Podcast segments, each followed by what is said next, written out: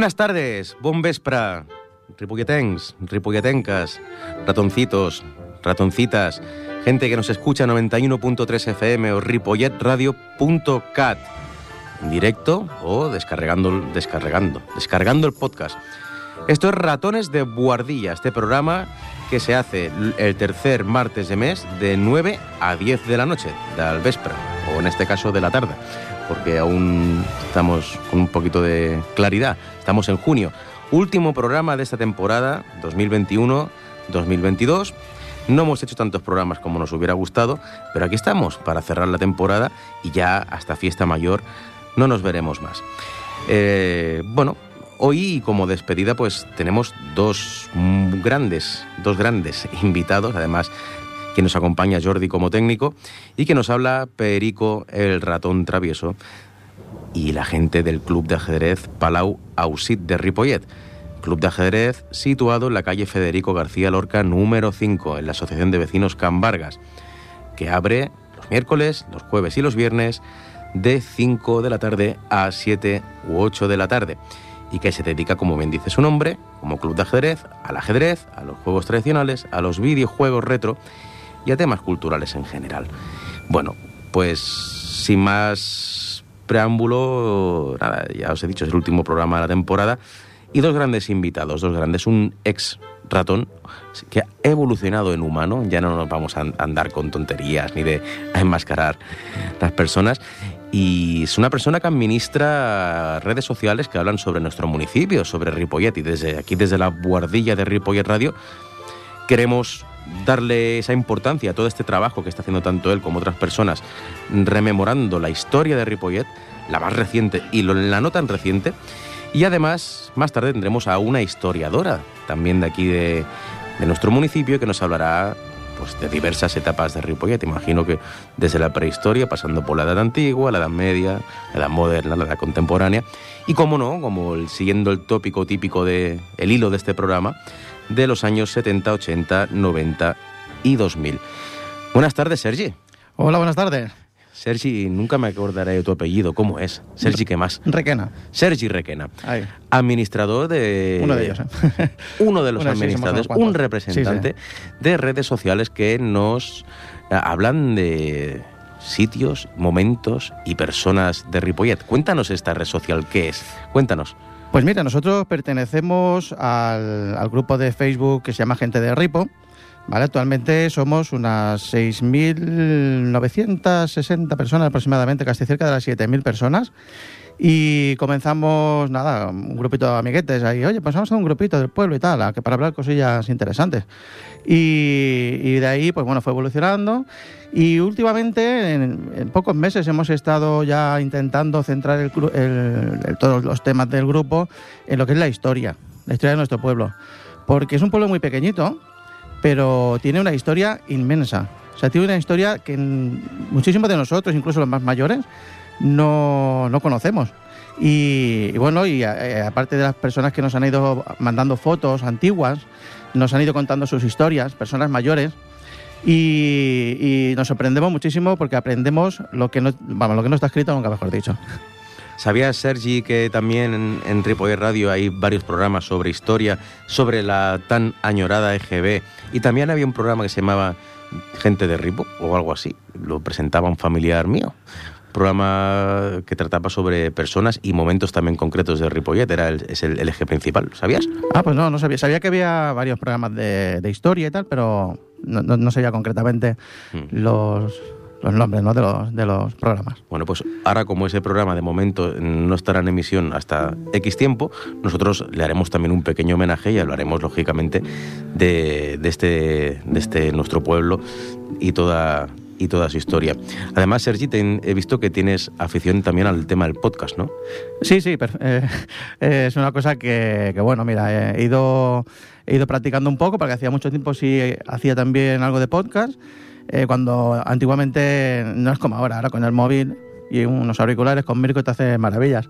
Y antiguamente tenías que tener un ordenador conectado no sé dónde, un programa súper complicado de llevar. Y bueno, he empezado a, hacer, a practicar un poquito y de hecho es una, una cosa que quería hacer para el grupo también.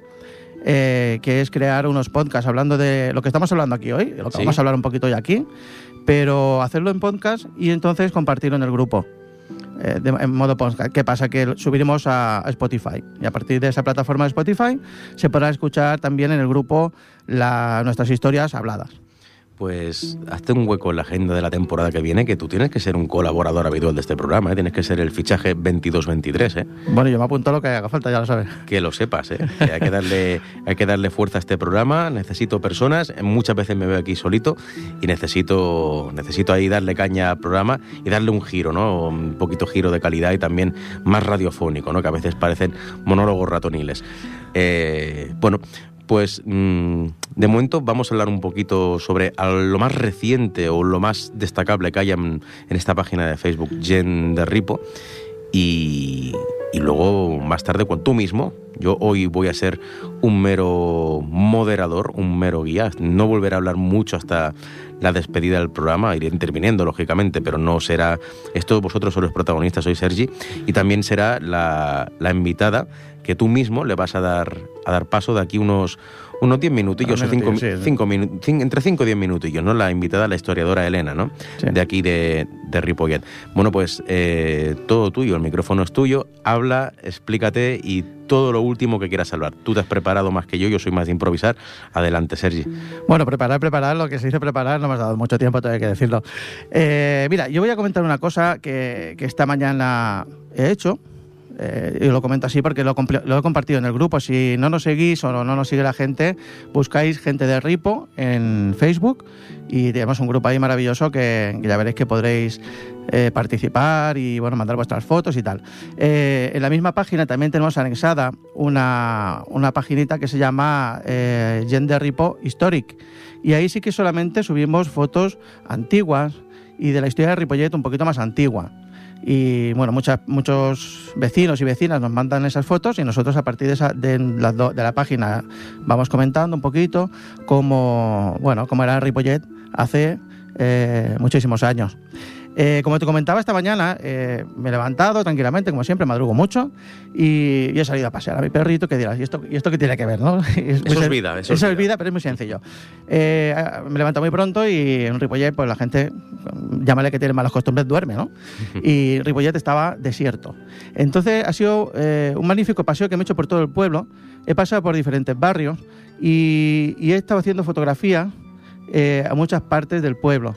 Eh, una de las partes que más me ha impactado es el, el casco antiguo, la parte de, de la calle que va, hacia la, que va hacia la iglesia y la parte de la Baixada de los Corps.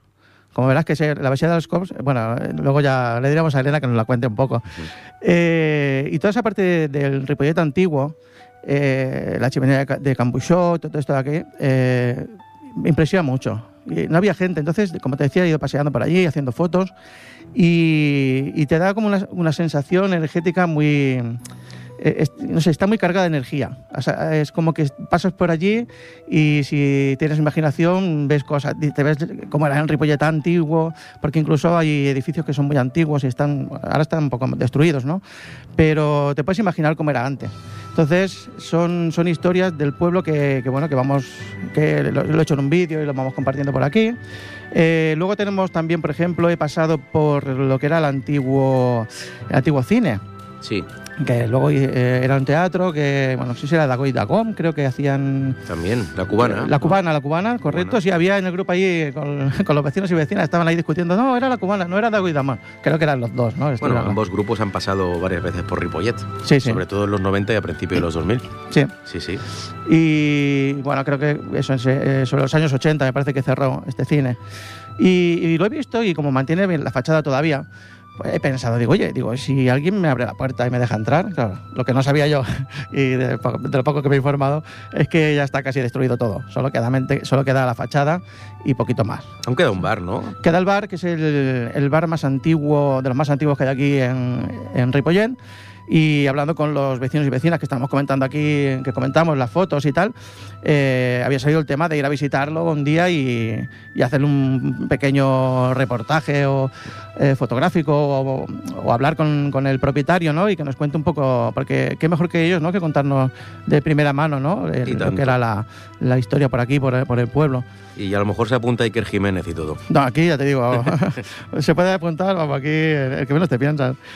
También nos comentaban hoy en el grupo, nos comenta Josep, que también es uno de nuestros eh, colaboradores en el grupo. El grupo se compone de administradores y, moderadores, pero también tenemos eh, vecinos y vecinas colaboradores que, que son los que nos suben fotos, nos cuentan un poco esas fotos que son. Hay algunas que las hacen ahora y otras que mandan de libros que nos etiquetan y dicen, bueno, pues este libro pertenece a tal y nos comentan un poco las fotos que allí que van saliendo, ¿no? Hoy nos, nos- como decía, nos comentaba Josep, ¿no? Que, que la fábrica de pantalones, la lo que conocemos, ¿no? Todos los del pueblo como la fábrica de pantalones. Calle Pau Casals, ¿no? Sí. Y bueno, ya han empezado, ha empezado la demolición. ¿También? Y- sí. El- también comentábamos el otro día que estuve yo en directo también haciendo un pequeño vídeo para el grupo, el- lo que era la Castelló también, la, Sí. la fábrica Castelló también la han derruido. Eh, al lado justo estaba lo que le llamábamos el campo del Magaña. No sé si te acordarás, tú eras muy joven, a lo mejor tú eras más joven que yo. o a lo mejor lo conozco con otro nombre. Solo Sí, sé, en puede todo ser. caso, que está tocando el Colegio Martínez, ¿verdad? De todo esto. Sí, está todo pegado en la parte de Can Más. Vale. Eh, también hemos hablado ¿no? de, la, de la masía, que de Can Mas, que es, es un- una emblemática masía que, que desde, bueno, eh, cuando tú venías de Moncada hacia Ripollet, cuando no había nada, que solamente habían cuatro casitas, Sí. era la que, como la que te daba la bienvenida al pueblo, ¿no? Porque era la primera que se veía, la primera casota allí en medio. y, y bueno, es, un- es muy entrañable, ¿no? También es- esas, ver esas edificaciones que todavía conservamos. Y, y todo esto vamos comentando en el grupo.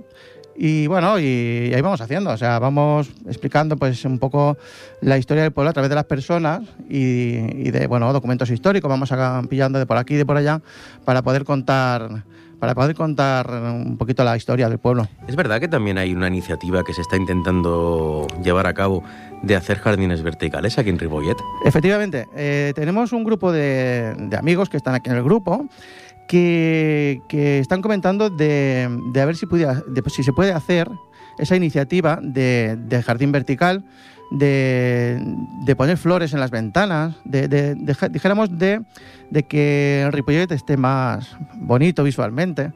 Vale, tenemos ahora, estamos en una época ahora en Ripollet un poquito así, como ya sabes, complicadita con estos temas, pero nosotros siempre intentamos buscar la parte positiva, intentar que, que Ripollet sea un pueblo bonito, que la gente cuando lo vea o venga de fuera y diga, oye, hostia, qué pueblo más chulo, ¿no? Eh, que, no que no se vayan con, con malas, eh, malas ideas o Sí. decir que este pueblo es muy feo, no.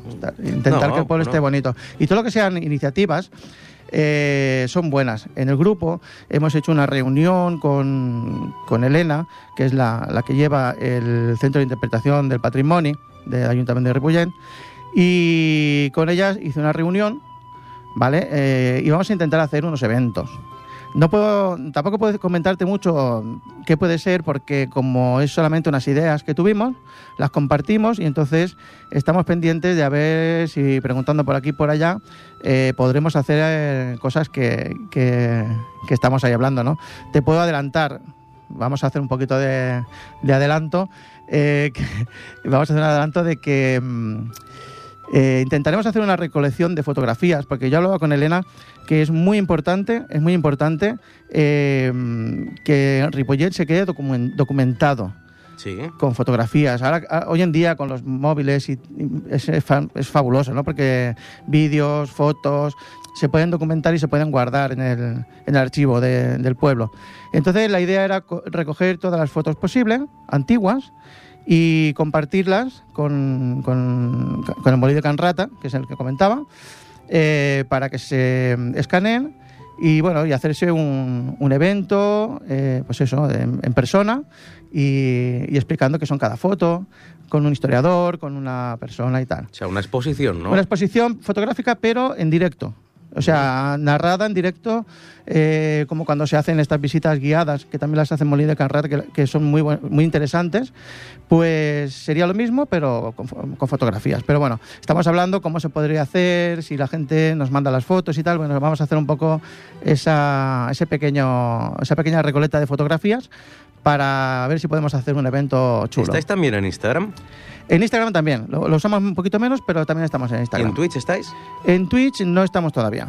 Pero es el momento y lo sabes. Es el momento y lo sé. Hay que hacer un ratón de guardilla, pero a lo bestia ya, ¿eh? Eh, bueno, yo, eh, me dice cómo funciona y lo... un, un y- canal polifacético y si tiene estos momentos y estos mm, itinerarios visuales ya sería Sí, la ¿eh? bomba. Claro, sería pues podemos hacer, podemos hacer alguna cosita, ¿eh?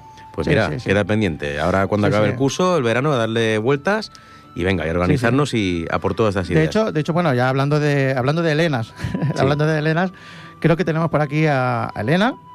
Sí. Sí, Hola. digo, no sabía cuándo entrar, sí, estoy por aquí ya. Vale, ¿qué tal? ¿Cómo estás? Bien, bien, bien, aquí pues preparando muchas cosas, muchos proyectos todavía ahora en mente y, y tirando adelante, como un poco como siempre. Bueno, y Elena, cuéntanos un poquito quién eres, a qué te dedicas, si nos lo quieres contar, y, vamos a hacer un poquito aquí de, historia. Pues mira, yo soy historiadora y arqueóloga, entonces eh, estoy participo también en el grupo de estudios Ripollatens, es eh, la entidad un poco de, investigación histórica de- del pueblo, una entidad que lleva trabajando pues ya unos añitos. Eh, pasa que ahora estamos pues también metidos en un montón de proyectos y me- ahora básicamente me dedico a hacer investigación de historia local de Ripollet y Sardañola y a trabajar en el Museo de Sardañola. Así que un poco todo queda cerca de casa, Sí, sí, lo tienes todo bien, bien a mano, ¿eh? desde luego.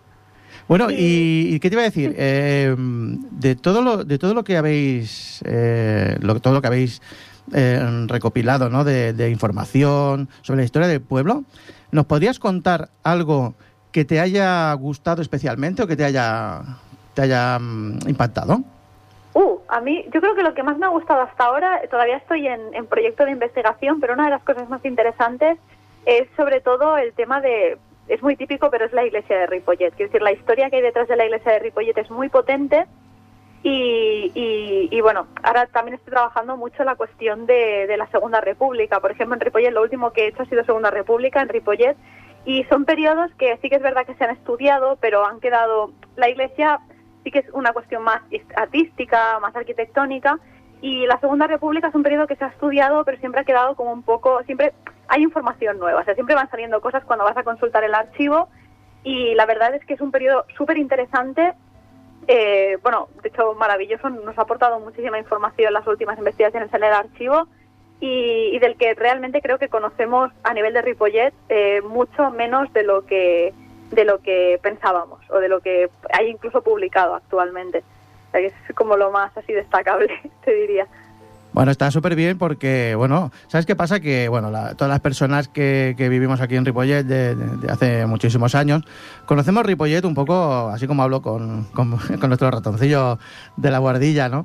Que, que estamos aquí como, conocemos la historia de Ripollet un poco, como digo yo, un poquito canalla, ¿no? Que es, es el Ripollet, eh, por ejemplo, el Ripollet que muchas veces hemos comentado hasta por el grupo, ¿no? Que quedábamos en el parque, en el, eh, nosotros le decimos como, siempre ponemos motes a todo, a todo el pueblo. ¿Cómo no? ¿Cómo no, verdad? ¿Cómo o sea, no? ¿cómo no vamos a ponerle motes? ¿Quién no tiene mote? ¿Quién ¿O qué no tiene mote aquí en Ripollet? A ver, que, por favor. que incluso eh, yo, yo lo cualquiera y se podía hacer incluso hasta hasta una prueba sales a la calle y le dices oye tú sabes dónde está cómo se llama este parque no por ejemplo te voy a poner un ejemplo así a lo loco eh, ah, el parque de los pijos eh, porque es eh, conocido por todo el mundo, ¿no? Pero fíjate una cosa que es curiosa. El Parque de los Pijos, que, que, eh, que yo, bueno, conocía también, eh, el Parque de los Pijos, el Parque de los Viejos, la gente, pues coloquialmente le hablamos de muchas maneras, ¿no? La Fuente Este- del Pato, la Fuente de la Araña. Exacto. El, el Parque de, de los Pijos, que le decimos, ¿no? Es el Parque del Mestras. Sí. Y yo no conocía la historia. Y Elena, en el, en el grupo, un día hablando de esto, nos contó exactamente la historia de este parque. De, de qué viene y quiénes eran las personas a las que hace homenaje ese parque, ese nombre.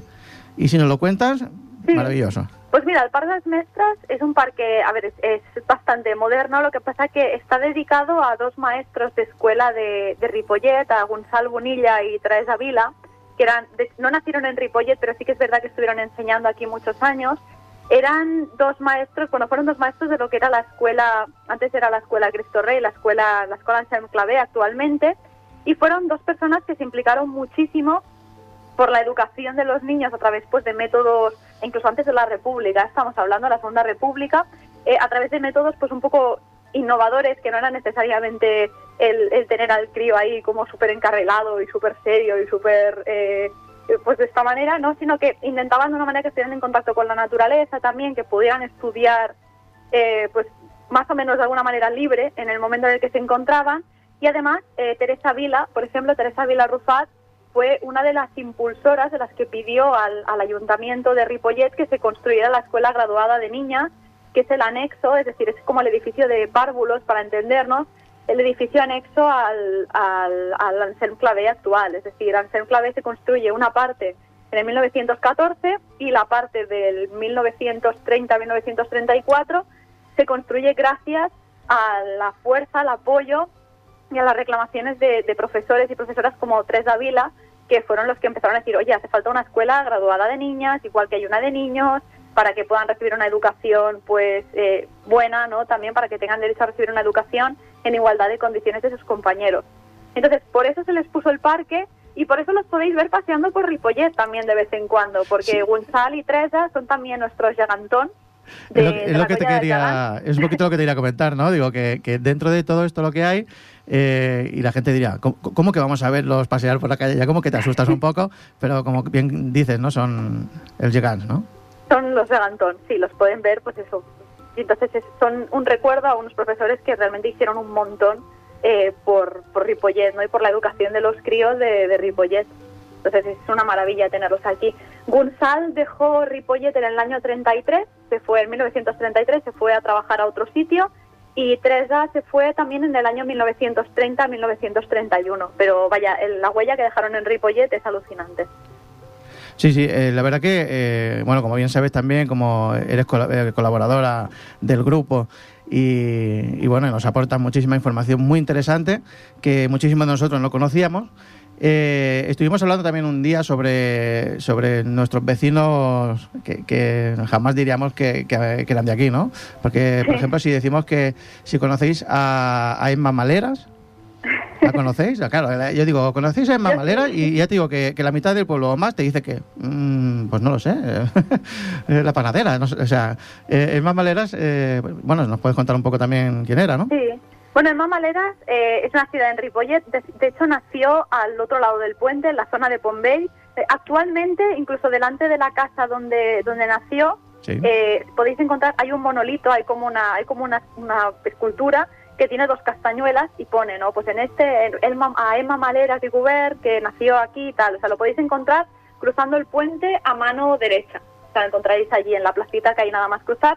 Y Emma Maleras fue una, bueno, fue una bailarina, fue coreógrafa y además es la inventora del método que se utiliza actualmente, o sea, ya ahora mismo, en las escuelas para enseñar castañuelas.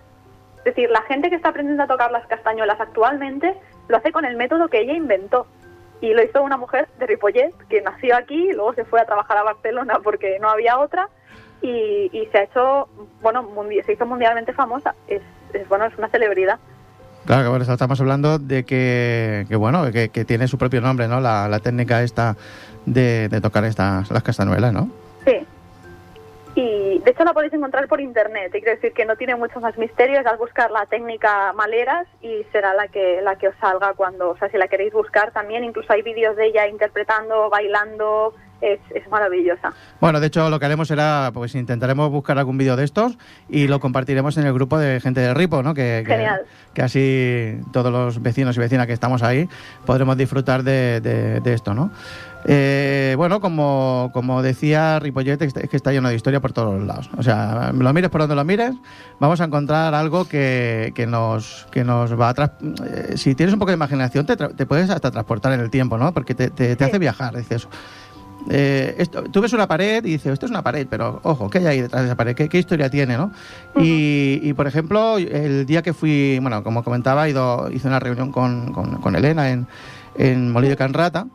Eh, ese edificio, si pudiera hablar, eh, sería alucinante, ¿no? O sea, tiene una historia ese edificio que, que vamos, que, es para flipar, ¿no? Que, como diríamos nosotros.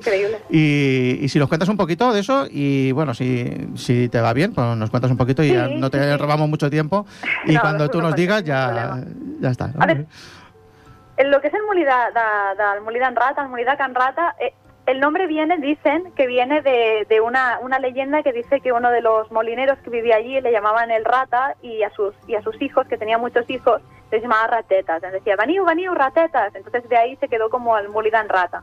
Pero realmente ese molino, ese molino pertenecía a la familia Clos, que ese igual os suena, por Sí, sí. la plaza de la plaza de Anclos o Can Clos, también os puede Sí, sonar, que eran una familia que tenía una masía precisamente donde está la plaza Clos y eh, eran una familia pues que tenía ese molino, tenía otra serie de terrenos también en la zona de Ripollet y se dedicaron durante un tiempo pues eso a tener a alguien que es un molino y a moler cereal. Allí sí que se molía solo cereal. Y fueron una de esas familias eh, terratenientes que se asentaron en Ripollet y se dedicaron o a, fabricar harinas o a fabricar cartón y papel en pues eso, en el siglo XIX, XVIII, XIX y de hecho el molí en Rata es el único de los molinos que nos queda entero y perfecto y visitable en Ripollet. Pero antes nos tenemos que imaginar que había bastantes más. O sea, de hecho, creo recordar que hasta seis o siete molinos hemos tenido hemos tenido en Ripollet. Algunos de ellos con chimenea, ¿eh? como el de Can Calvet, que es la chimenea que encontraréis en el Parque de la Chimenea. Sí, sí. Y, y entonces eso, lo que puedo decir es que con el tiempo se acabó convirtiendo en el, en el centro de interpretación del patrimonio y de hecho su último dueño, esto también si vais a hacer las visitas de- del casco antiguo con el Film Molida en Rata, os lo explicarán, pero el último dueño como más así oficial fue Ezequiel Clos, que fue, le llamaban también el loco de la Plaza Clos, tristemente. Ahí te, te Tuvo una- quería, ahí yo te digo que ha sido que me ha leído el pensamiento porque al comentar lo de la, lo de Enclos, digo, no vas a hablar de Ezequiel Clos, pero que automáticamente te voy a dar paso para eso, ¿no? Porque es el, es el, el loco, decían, ¿no? De Ripollet. Cuéntanos esa historia que, que la, la pusimos en el grupo el otro día y me quedé asombrado porque no la había escuchado, en verdad que no la había escuchado y es una historia bastante curiosa. Sí, a ver, un poco así, lo estoy diciendo ahora un poco de cabeza, pero Ezequiel Clos fue el último gran propietario, por algo por decirlo de alguna manera, de la familia de la familia Clos de Ripollet, eh, 100%, de tanto Can Clos como de como del en Rata. Entonces estamos hablando de un hombre que se dice que de muy joven debió sufrir un mal de amores, hablan de mal de amores porque queda muy romántico en la leyenda, ¿no? Sí, sí. Pero sufría algún tipo de enfermedad mental o un mal de amores, entonces eh, vivía recluido en su casa, se dice que incluso salía al patio vestido de fantasma a asustar a los críos, ¿no? Al patio, a los, a los a las ventanas y los balcones, a asustar a los críos, y entonces el pueblo, la gente del pueblo, bueno, lo tenían por loco, pero como era una persona que no hacía daño a nadie, pues estaba allí, simplemente pues vivía en su casa, al cuidado de sus criados, y un poco era un personaje más del pueblo. Pero con el tiempo, eh, parte de la familia que no tenía tan buena fortuna, eh, parte de la familia, pues, eh, Klaus Falló, que no debía tener tan buena fortuna como, como en este caso eh, Ezequiel, eh, ide- idearon un plan, ¿no? Se dice que idearon un plan y lo que hicieron fue intentárselo eh, llevar una noche de escondidas con el carro silenciado, ¿no? Poniendo con máximo silencio a los caballos también. Se lo intentaron llevar a un manicomio. Sin embargo, la gente se, se dio cuenta, lo escuchó, ¿no? Dijo, ostras, espérate, ¿qué está pasando aquí? Salieron todos en masa. Recordad que Ripollet era un pueblo muy pequeño. en- en- estamos hablando de, mil- de finales del 1800, finales del siglo XIX. Era un pueblo muy, muy pequeñito, todo el mundo se conocía. Y cuando vieron lo que le estaban haciendo al pobre Ezequiel, salieron todos eh, a defenderle, a evitar que se lo llevaran, ¿no? Porque era una persona del pueblo y no tenía que venir nadie a hacer nada, ¿no? Con lo que, con lo que era suyo. Entonces eh, lo defendieron, no se llevaron a Ezequiel al manicomio y pudo vivir pues en su casa, creo recordar que murió a los 79 años, es decir, que era pudo vivir pues igual 20 o 30 años más en su casa al cuidado del pueblo y, respetado y querido por todos. Sí, bueno, murió el día 15 de agosto de 1943 a la edad de 79 años. Pues fíjate, pues vivió... Ya si queréis, la- si queréis, como decía, ¿no? que esta historia me, me llamó mucho la atención, la tenemos también puesta en el grupo. Si la gente que no nos conoce, pues entra en Facebook, pone en el buscador gente de Ripo y ahí veréis anexada también nuestra página histórica y ahí contamos un poco todas esas historias que hoy más o menos hemos, hemos ido contando y que tú amablemente has aceptado estar aquí un, un ratito con nosotros. Bueno, y, yo encantada. Y, y siempre pues eh, que podamos, pues ahí echaremos mano de, de ti. Muy bien, pues cuando lo necesitáis ya sabéis dónde podéis encontrarme, así que encantada. Muy bien, Elena, muchísimas gracias. Muchísimas gracias por contar conmigo. Que vaya muy bien. Buenas Hasta la noches. próxima. Venga, igualmente. Hasta la luego. próxima. Adeu. Bueno, muy bien, ¿no? Este ratito que ha podido estar con nosotros nos ha, nos ha ilustrado bastante, ¿no? Sobre nuestro municipio, ¿no? De historias. de, hecho, bueno, podríamos, eh, estando con Elena, te puede estar contando sin parar historias de Ripollet que te aseguro que, como esta de Ezequiel Clos, que no conocía. Todo el mundo hemos conocido la, Plaza del Clos, no sé qué, algún un poco la historia por encima. Sí. O cosas que nos cuentan los abuelos. Pero mm. a lo mejor es tan antiguo, ¿no? A lo mejor no todos teníamos este este conocimiento, ¿no? Yo recuerdo, y mira, también ha salido el nombre del, del colegio Anselm Clavé. Sí. Antes Cristo Rey, durante el franquismo. Sí, sí. Eh, no, sabía que, que, era un colegio antiguo, pero 1914 el primer edificio. ¿eh? Y fue mi colegio. Yo estudié allí la EGB, en el colegio Ansel Clavé.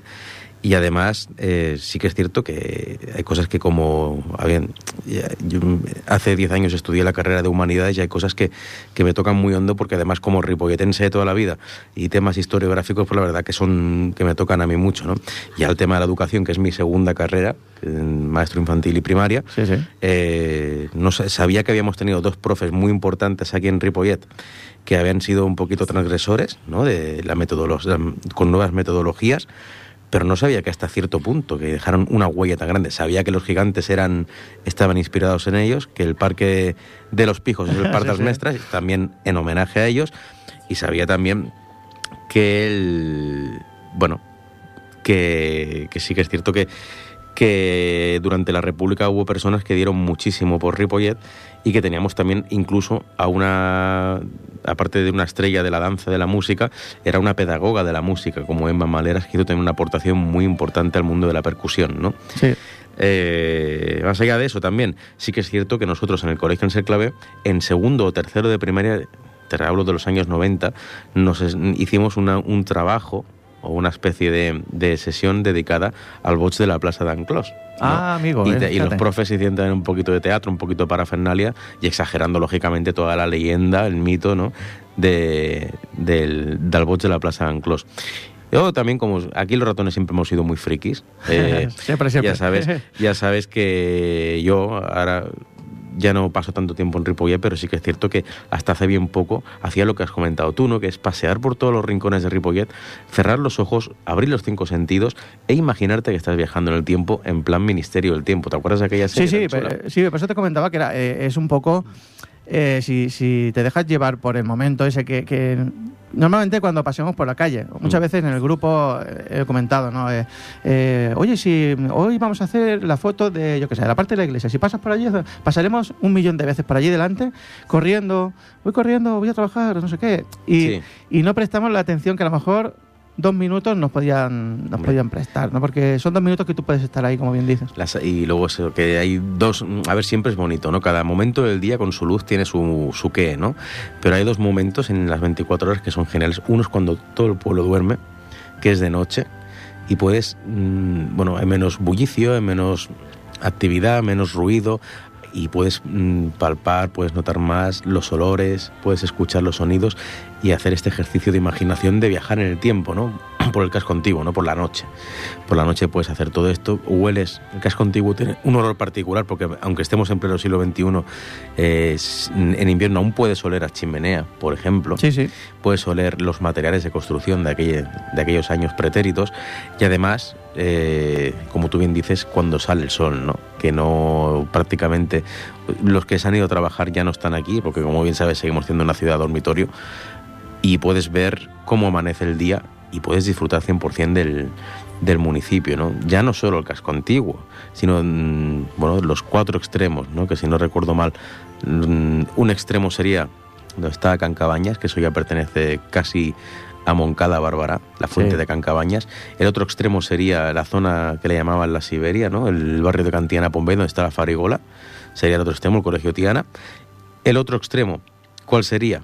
pues eh, donde está el CAP, el CAP, de, CAP 2 del puente, y por último, donde tú resides, ¿no? En Camp sería otro, la zona de otro de los extremos, ¿no? Entonces, sí, déjalo, eh, está repartido en, barrios, ¿no? Que son los que más o menos lo que, lo que define un poco la, el pueblo, y luego las partes del, del río y las partes del Spinatons, Sí. ¿vale? O sea, son los barrios más las dos partes del río del Espinatón. Más o menos nosotros en el grupo que lo hemos partido así. Pues, Sí, porque nos ha dado la gana casi, casi. Está todo, todo prácticamente todo Urbanizado, urbanizado, sí. prácticamente todo. O sea, solo queda el Parque Pinetón sin poco cosa más, sin, sin urbanizar, ¿no? Y, y bueno, sí que es cierto que aún quedan pues sitios con muchísima historia y que algunos están prácticamente intactos, ¿no? La masía de Can mm, yo creo que se conserva bastante bien. Sí, sí, Que es incluso una creo que han- pasada. ¿eh? si no me equivoco, han restaurado el, el rótulo, ¿no? De Sí, que- más el otro, el otro día, hablando del grupo, eh, hice una foto porque a, a mí que vivo por la zona también y me gusta mucho pues dar una vueltecita y hacer algunas fotitos por ahí.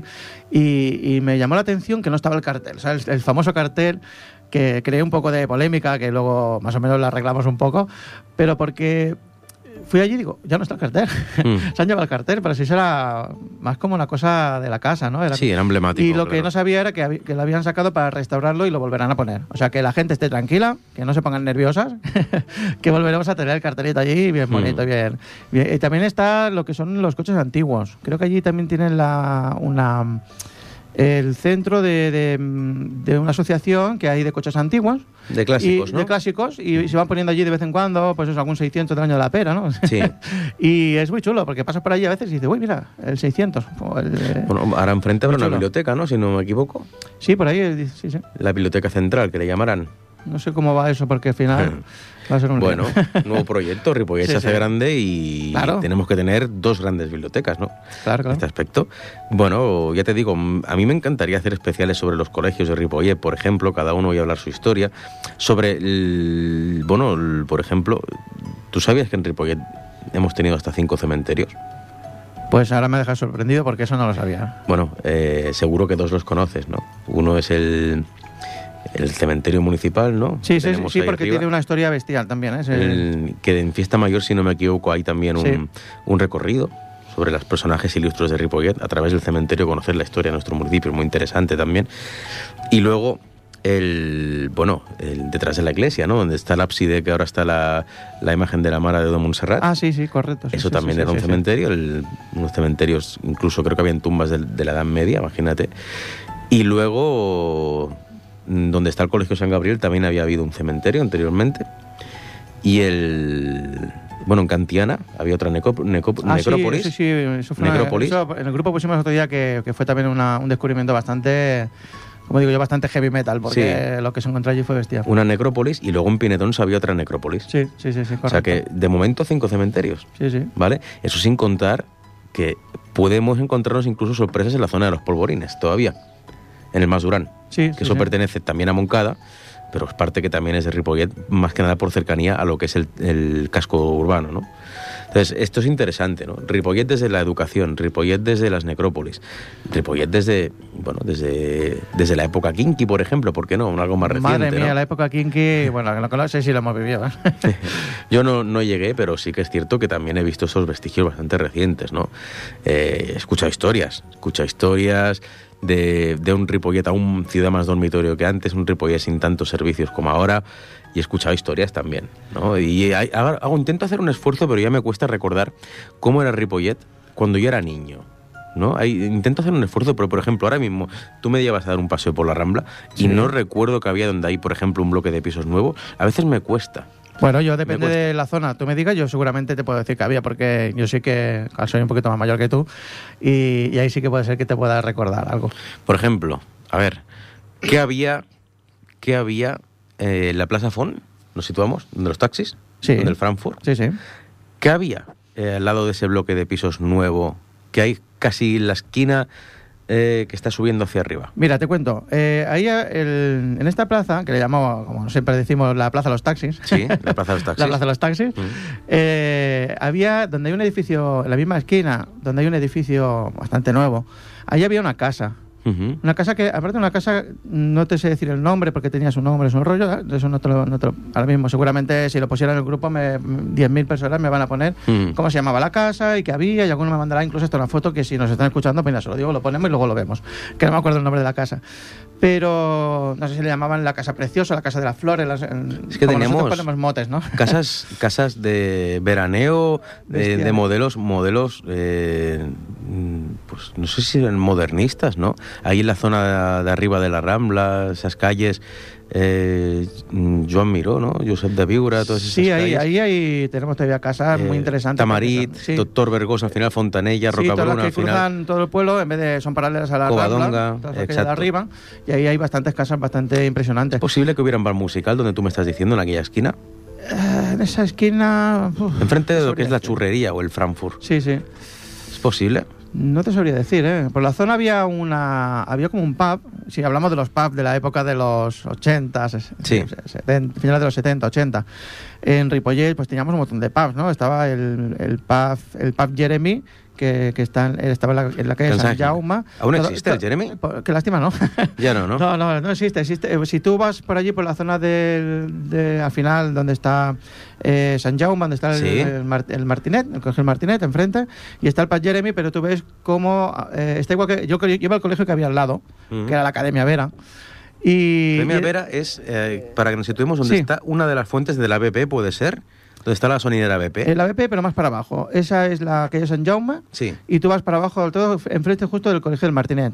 vale. Está el colegio, que antes eran los militares, Sí. que era una granja militar. Mm. Pues enfrente había estaba el colegio y la Academia Vera, que eran dentro de, una, de unos, eh, del mismo bloque, eran como casas, pero habían juntado todas las casas y eran y bueno, era el colegio, ¿no? Y ahí al lado está el pub Jeremy. Yo cuando vivo por la zona y tal y paseo por allí y lo veo, todavía está el, lo que es la entrada y las letras ya están caídas, ya no se ve bien Ya. que pone Pat Jeremy, pero está igual eh, lo que es la, el toldo, está igual que, que en 1970 y... Sí, un toldo negro con letras un blancas, toldo negro, ser. sí, totalmente. Y, y, ostras, está, eso está, bueno, impresionante porque dice, es un- como dices tú, un trozo de historia. Más, como dices tú, de la época de los 80 tal.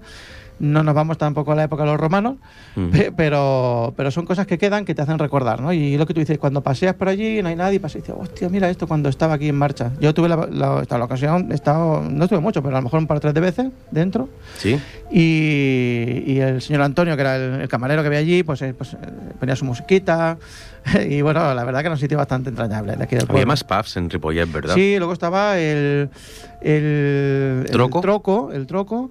Luego había uno. ¿Troco que- dónde estaba? ¿En el casco antiguo puede el ser? troco, sí. ¿Y el- existe aún? ¿Aún funciona? Pues no te sabría decir. eh. Hasta hace unos años atrás estaba todavía. Ahora mismo. ¿Al lado del colegio Rusé puede ser? uf, por ahí, por ahí. Andaba por ahí, por la, por, la parte de arriba. de- Sí, se Eh, acerca el, la... casco antiguo, el casco antiguo, al lado de la iglesia, eh, bueno, estaba el, está el, el, el, el Gurri, que es un... ¿Aún existe? ¿Aún existe, funciona? que es uno de los bares más, también más antiguos, ¿no?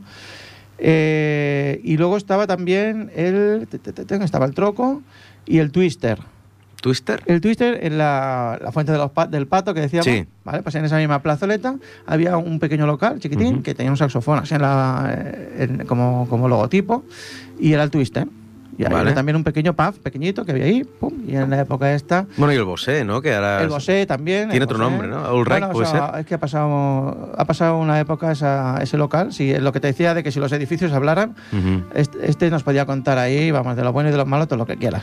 Ya Eh, pasó de ser el Bosé, cerraron, tenía otro nombre, luego y ahora es el All Right, creo, porque no sé si funciona, la verdad, no, no te sé decir. si Después del funciona. virus no sé Mm, creo cómo ha que quedado la cosa, no ha me quedado acuerdo. la cosa complicada, sí. Bueno, y, y no sé, mm, por ejemplo, eh, imagino que también en el grupo habláis de, bueno, del antiguo campo de fútbol, que es donde está el mercado municipal hoy en día. Efectivamente, hemos- hablamos mucho de, de- de este tiempo, eh, como bien dices, del campo de fútbol, ¿no? que estaba en lo que es el, el- el mercado. Sí. Eh, y bueno, y comentamos también mm, sitios que no están, que dice, hostia, mira, aquí antes había no sé qué, y ahora hay no sé cuántos, ¿no? Y bueno, la verdad que, que en el grupo, si entráis, pues eh, tenemos allí de historias las que quieras, las que más. La gente nos comparte muchas fotos. eh, hemos estado hablando también del, parque, eh, que decía el parque del señor José. Parque que es el está sí, el enclave donde está el CAP. que antes era un recinto vallado con horarios y todo, y una fuente sí, y un laguito José era pequeño un y señor todo. que había allí, que vigilaba y había una fuentecita con sus peces y tal.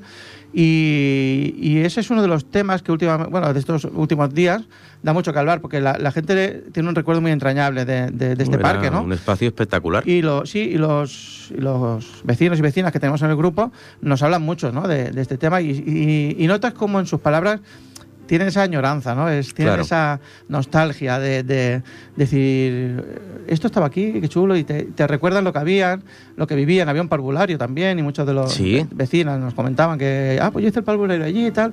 Había eh, también un centro de educación especial. Sí. Eh, bueno, bueno, es un, era, era un, es un espacio del pueblo que, como dices, como lo piensas en un momento de estos que no hay nadie, a las ¿Y 7 no- de la ¿A ti no te pasa que te vienen los olores de cuando eras más joven o cuando eras niño de aquí de Ripollet? ¿No Sí. te vienen los olores Sí, sí. y los sonidos? Mira, y fíjate, y justo al lado de este parque que comento, un poquito más para arriba, eh, haciendo esquina, hay una panadería que lleva toda la vida ahí.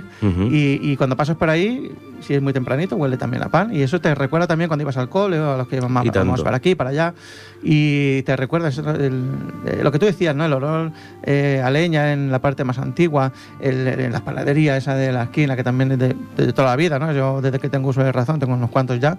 Y, y esa estaba ahí, esa panadería siempre. Y, y en estos espacios que hay en el pueblo, como bien comentas, es como lo que tú dices, ¿no? Es pillarlos en ese momento que...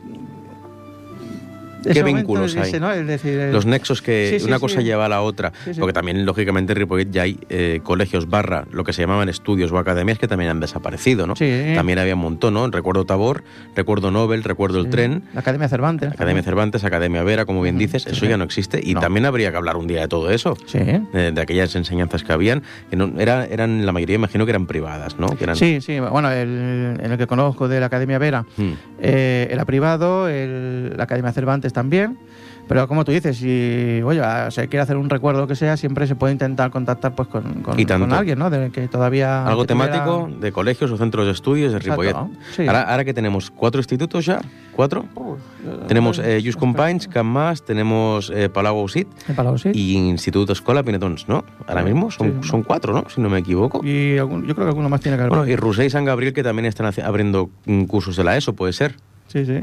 La verdad que como... Y también ha cambiado mucho, ¿no? También, eh, bueno, como tú recuerdas, ¿no? Que, que antes nosotros los estudios eran de, de par- parvulitos, le decíamos nosotros, de párvulos hasta octavos, ¿no? Y Sí. luego vino la ESO. bueno, a mí octavo no me pilló mm, por dos o tres años. Ah, eh. pues tú No eres un, pilló. jovencillo, un ratoncito joven todavía. Pero sí que me pilló los primeros cursos de la ESO. Sí que es cierto. Sí. Y hasta sexto de GB sí que hice. Sí que hice. Y con maestros célebres aquí del pueblo de, del Anselmo Clavé. ¿eh? Maestros que han dado mucho por Ripollet y han sido coordinadores de ruas de carnaval y todo. O sea que es, mm, son, han sido eminencias de la educación de aquí Ripollet.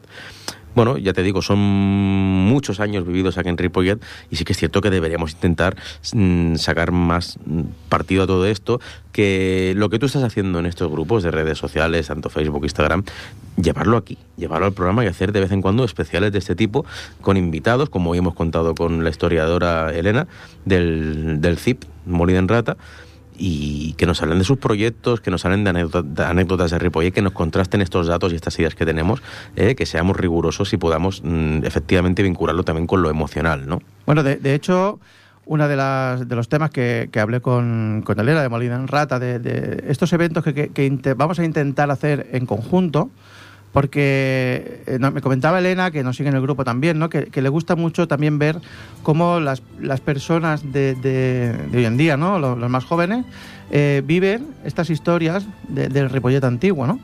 Y, y uno de estos eventos que más o menos habíamos intentado, que te acuerdas que te comentaba antes de empezar el programa, te he dicho, tengo que hacerte alguna proposición indecente. Bueno, eh, Una de estas era, bueno, comentártelo, te lo, te lo puedo comentar por aquí o te lo puedo comentar luego, pero bueno, ya que se ha salido el tema, te lo, te lo- esto es una de las cosas que, que te podía contar, ¿no? De estos eventos que hablé con Elena, que era un- hacer un posible, un posible hipotético eh, es- un programa especial en- aquí en la radio sí, de, de esto que estamos haciendo hoy, exactamente lo mismo. O sea, es eh, traer los que quieras, unos temas sobre los que poder hablar, y los que eh, quieras. del pueblo, de Ripollet, de... Ratones de, de- guardilla, sabes qué es esto, es hablar de, del pasado también, de una guardilla, documentarnos, Claro. es literatura, es cultura, son sentimientos, son sensaciones, Claro. son emociones. Nosotros es un poquito a, a- a pequeña escala, porque como, bueno, nosotros tampoco ni somos profesionales de la radio, ni mucho menos, pero, Pero, le ponemos ganas, ¿no? le ponemos ganas. Nos gusta. Y, y eso, pues comentar un poco, decirle, oye, mira, pues se puede hacer algo, sabes que normalmente la fiesta mayor, que también es un, algo que nos acompaña de hace muchísimos años, Mm. y, y siempre ponéis aquí en la radio, ponéis un, un espacio, ¿no? Que, Sí. que la gente habla, pues era pedir un permiso, decir, oye, mira, pues con quién tengo que hablar yo para, y para poder tener Pues- ese espacio, o comentártelo a ti, o hacemos un especial. de- No sé, eso ya era, o comentártelo un poquito a en, ti. en el ratón, en el Ratones de Guardilla que inaugura la temporada, que se hace en fiesta mayor, podemos hacer esto. Podemos Pues hacerlo. nada, se puede, ¿Por qué no? Todo se puede estudiar. ¿Por qué no? Y hacernos un planning y que darle un poquito un salto de calidad al programa, ¿por qué no? O sea, se puede intentar ahí hacer alguna cosa buena. Bueno, Sergi, eh, son las 10 menos 5 prácticamente sí, ya, aquí ya- de este último programa de temporada 21-22 de Ratones de Guardilla.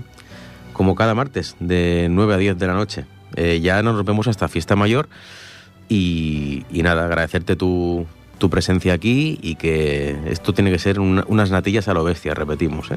Sí, sí, yo te digo que, bueno, que muchas gracias que, por invitarme y, y que sabes que aquí, desde el grupo, desde que tenemos, a- yo personalmente nos apuntamos a, a todo lo que Pues venga, y le damos también vida, lo vinculamos, hacemos algo transversal a lo bestia, con un con el Club de Ajedrez Palau Ausit, ¿eh? Exacto, podemos podemos hacer cositas, con chula. Ripollet Radio, también hablando con la prensa local y haciendo actos. ¿Sabes que en, que en Fiesta Mayor vamos a hacer un torneo de ajedrez en las pistas del Esbar, el domingo de Fiesta Mayor a las 5, y un torneo de parchís? Anda. Hemos recuperado el torneo de Fiesta Mayor de parchís. Ah. Va a ser el sábado por la tarde en el colegio en Ser Clavé, precisamente. Mira qué chulo. Pues eso en el grupo lo compartiremos siempre. Ahí estaremos en contacto. Tenemos, tenemos ganas de hacer. El club ha crecido, el Club de Ajedrez Palausita ha crecido y queremos hacer cositas con el pueblo, con cultura, con educación, con deportes. Queremos hacer muchas cositas. Tenemos muchas ganas. Pues Darle noso- vida. Nosotros todo esto que me comentas eh, es tan sencillo. Nosotros como estamos en contacto, que no tenemos contacto directo, pues eh, lo comentamos, me lo dices, me pasas los links, me pasas todo y esto va todo directo al grupo y Cuando- todo lo que se quiera apuntar, pues allí que va. Cuando acabe exámenes, te voy a freír a, a pósters, a links y a todo esto. Pues ¿eh? hecho. Vamos a darle vida, que vivimos en un municipio privilegiado. Yo la, creo ver- que sí. la verdad que sí. sí. Sí, sí, Bueno, pues Sergi, hasta la próxima. Pues nada, hasta la próxima. Que vaya muy bien. Muchas gracias. Y a vosotros que nos estáis escuchando en el 91.3 de la FM en ripolletradio.cat, ya sea en directo o escuchando, descargando el podcast. Ha sido un placer estar otra temporada más con vosotros en Ratones de Guardilla, en Ripollet Radio. Eh, el año que viene, la temporada que viene, a partir de agosto-septiembre, volveremos y volveremos con más ganas. Intentaremos no perdernos ningún mes el programa, este espacio mensual, y volveros a traer ajedrez, juegos retro, cine, música, literatura, historia y mucho sobre Ripollet. Eh, un abrazo muy fuerte, muy muy fuerte de la gente de Ripollet Radio y de las personas que forman el club de ajedrez Palau Ausit de la calle Federico García Lorca número 5 en Can. Esto ha sido todo amigos, sed muy felices y buen verano. Hasta la próxima.